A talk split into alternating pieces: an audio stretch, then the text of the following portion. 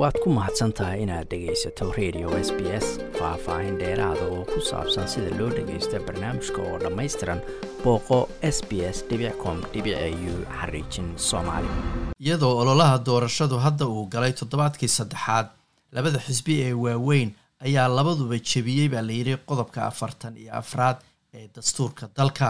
Qodobkaas ayaa ka mamnuucaya qof kasta oo laba dhalasho leh in loo doorto baarlamaanka australia laakiin iyadoo baarlamaanka australia uu ka fog yahay inuu ka turjumo bulshooyinka dhaqamada kala duwan ee uu matalayo dad badan ayaa isweydiinaya in la gaaray wakhtigii la bedeli lahaa qodobkaasi dastuurka ku jira.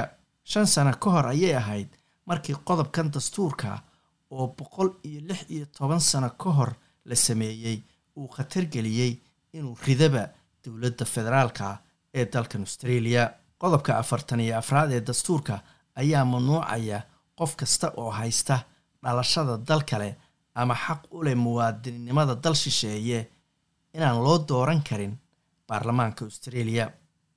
Shan iyo toban siyaasi oo xildhibaano ahaa ayaa wakhti kooban ka fadhiistay xubinnimadii baarlamaanka kadib markii shaki galay inay haystaan laba dhalasho taasoo dowladdii tumbal aqlabiyaddii baarlamaanka aada uga yaraysay. Laakiin shan sano kadib labada xisbi ee waaweyn ayaa mar kale lagu qabsaday arrintan iyadoo labaduba ku waayay xildhibaano laba dhalasho haysta. Rofesor sheryl saunders oo ah qabiirad aada ugu takhasustay shuruucda dastuurka waxaana ka dhigtay jaamacadda melbourne ayaa sheegtay in qodobkan markii la qoray si aada uga duwan sidan uu ahaa ama looga dan lahaa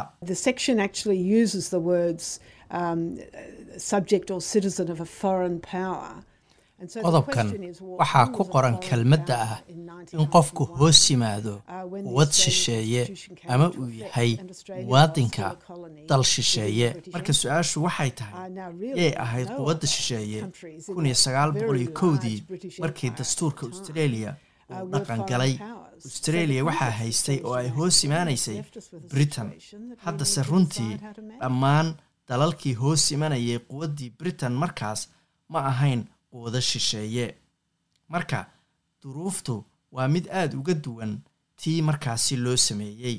Marka waxaan ku jirnaa xaalad aan u baahannahay inaan go'aansano sidii loo maarayn lahaa ayay tiri rofesor sheryl si loo bedelo qodob ka mida dastuurka australia waa in la qabtaa afti waana nidaam wakhti dheer qaata.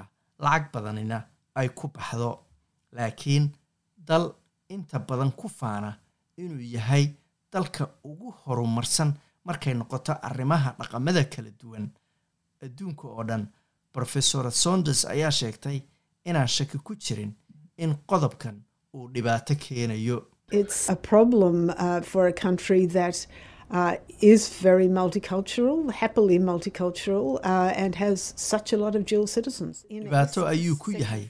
dal ay ku nool yihiin? dad badan oo dhaqamo kala duwan leh oo adduunka oo dhan ka kala yimid oo haysta dhalashooyin kala duwan. qodobka afartan iyo afraad wuxuu ka hor istaagayaa xuquuq muhiima oo siyaasadeed oo ay ka mid tahay inaysan u tartami karin kuraas heer qaran ah.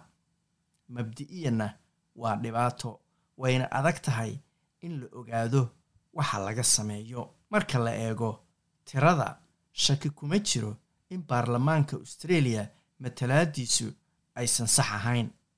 Tirakoobkii ugu dambeeyey ee dhowaan laga sameeyey baarlamaanka australia ayaa muujinaya in afar dhibic hal boqolkiiba oo keliya ay yihiin xildhibaano ka soo jeeda meel ka baxsan yurub ama ah dad aan yurubiyaan asalkoodu ahayn. Halka ku dhowaad labaatan iyo kow boqolkiiba shacabka guud ee australia ay ka soo jeedaan meelo ka baxsan yurub.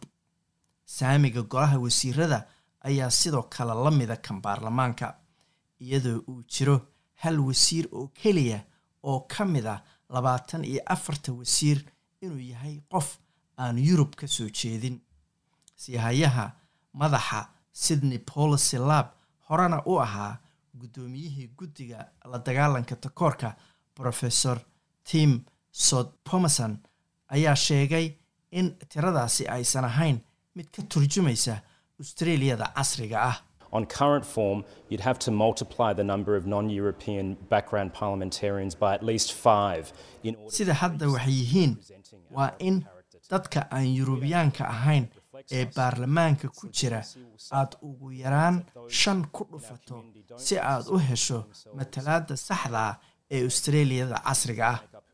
Haddii aynaan haysan baarlamaanna matalaya sharciyadda baarlamaanka ayay taasi dhaawacaysa ayuu yidhi taas macnaheeduna waa in bulshadeennu aysan isu arag inay qayb ka yihiin hay'adaheenna waaweyn ee ka turjuma cidda aan nahay. Waxayna u muuqataa in australia ay dalalka kale ka dambayso marka laga hadlayo arrimaha matalaadda baarlamaanka ama dowladda. U k dadka jinsiyadaha laga tirada badan yahay waxay baarlamaanka ka yihiin toban boqolkiiba iyagoo bulsho weynta ka ah afar iyo toban boqolkiiba maraykankana labaatan iyo saddex boqolkiiba siyaasiyiinta ayaa ka soo jeeda dadka laga tirada badan yahay halka ay bulsho weynta maraykanka ka yihiin soddon iyo lix boqolkiiba. Sud pomerson ayaa sheegay in shacabka australia ay ka warqabaan arrintan caraduna ay sii kordhayso There's frustration, there's anger, there's disappointment. But most of all, there's this risk that we will have waxaa jira caro feeling that they're iyo excluded niyad from jab laakiin tan ugu muhiimsan waa inay our khatar ah in dad ka mida problem bulshadeennu ay dareemayaan in hay'adaheenna dowladda laga horjoogsaday. waxay dareemayaan inay yihiin muwaadiniin dabaqadda hoose ah. Haddii xisbiyadeenna waaweyn aysan wax ka qaban dhibaatadan oo aysan si dhaba uga fakarin bulshooyinkeenna kala duwan aysanna samayn yool ah inay musharaxiintoodu noqdaan kuwa ka turjumaya bulshadeenna oo dhan. Haddii aan sidaas la yeelin uma badna ayuu yidhi in wax isbedelayaan in wax laga bedelo qodobka afartan iyo afraad ee dastuurka waxay u badan tahay inaysan arrintan xal u helin. Siyaasiyiinta qodobkan uu qabtayna intooda badan waxayba ka soo jeedeen yurub. Laakiin bulshooyinka dhaqamada kala duwan ayaa sheegay inay jiraan caqabado nidaam oo ka joojinaya in laga qayb galo siyaasadda loona baahan yahay in wax laga qabto. Kursiga federaalka ee fowler la yidhaahdo ee ku yaalla galbeedka sydney waa kursi laybarku uu aada ugu xoog badan yahay laakiin xisbiga ayaa halkaas carab badan ka abuuray sannadkii la soo dhaafay. Markii laga booday oo laga tegay tuulii oo ah qareemo degan xaafadda kana soo jeeda bulshada vietnamiiska ee halkaasi ku badan iyadoo musharaxnimadii la siiyey siyaasiyadda christina kenely oo iyadu deganayd markaasi meel xaafadda u jirta konton kilomitir. Miss lee ayaa sheegtay in bulshadu ay dareentay in lagu ballan furay ama meel cidlo ah looga dhaqaaqay there is a sense that as a community uh, we are taken for granted, especially because this has been. waxaa jira dareen ah um, in bulsho ahaan la isaga keen xisaabtamo candidates gaar ahaan sababtoo ah waxaan hal mar ma dhicin um, ee marar badan ayay bulshadanu soo aragtay oo musharaxiin aan meesha deganayn oo aan ka turjumaynin iyaga meel kale laga soo xawilay. Miss lee ayaa sheegtay in caqabadaha ka qaybgalka siyaasaddu ay badan yihiin ayna noocyo kala duwan yihiin. Waxay aaminsan tahay inay qaadanayso ama u baahan tahay rabitaan badan oo ka yimaada xisbiyada siyaasadda si caqabadahan markaas si loo qaado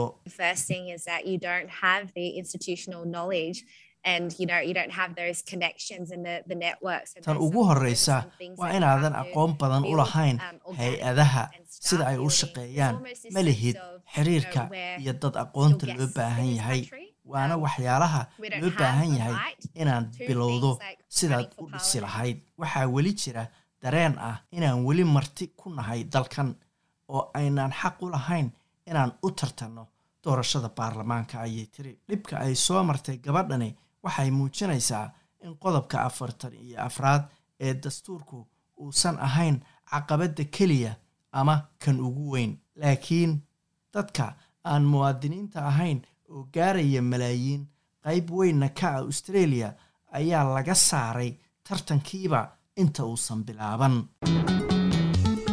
Waad ku mahadsantahay inaad dhegaysato raadiyaha s b s. Toos u dhegaysa barnaamijka habeenada arbacada iyo jimcada tobanka fiidnimo ama kaga soo cesho website-ka iyaga iyo s b s radio app. Booqo s b s com au xariijin soomaali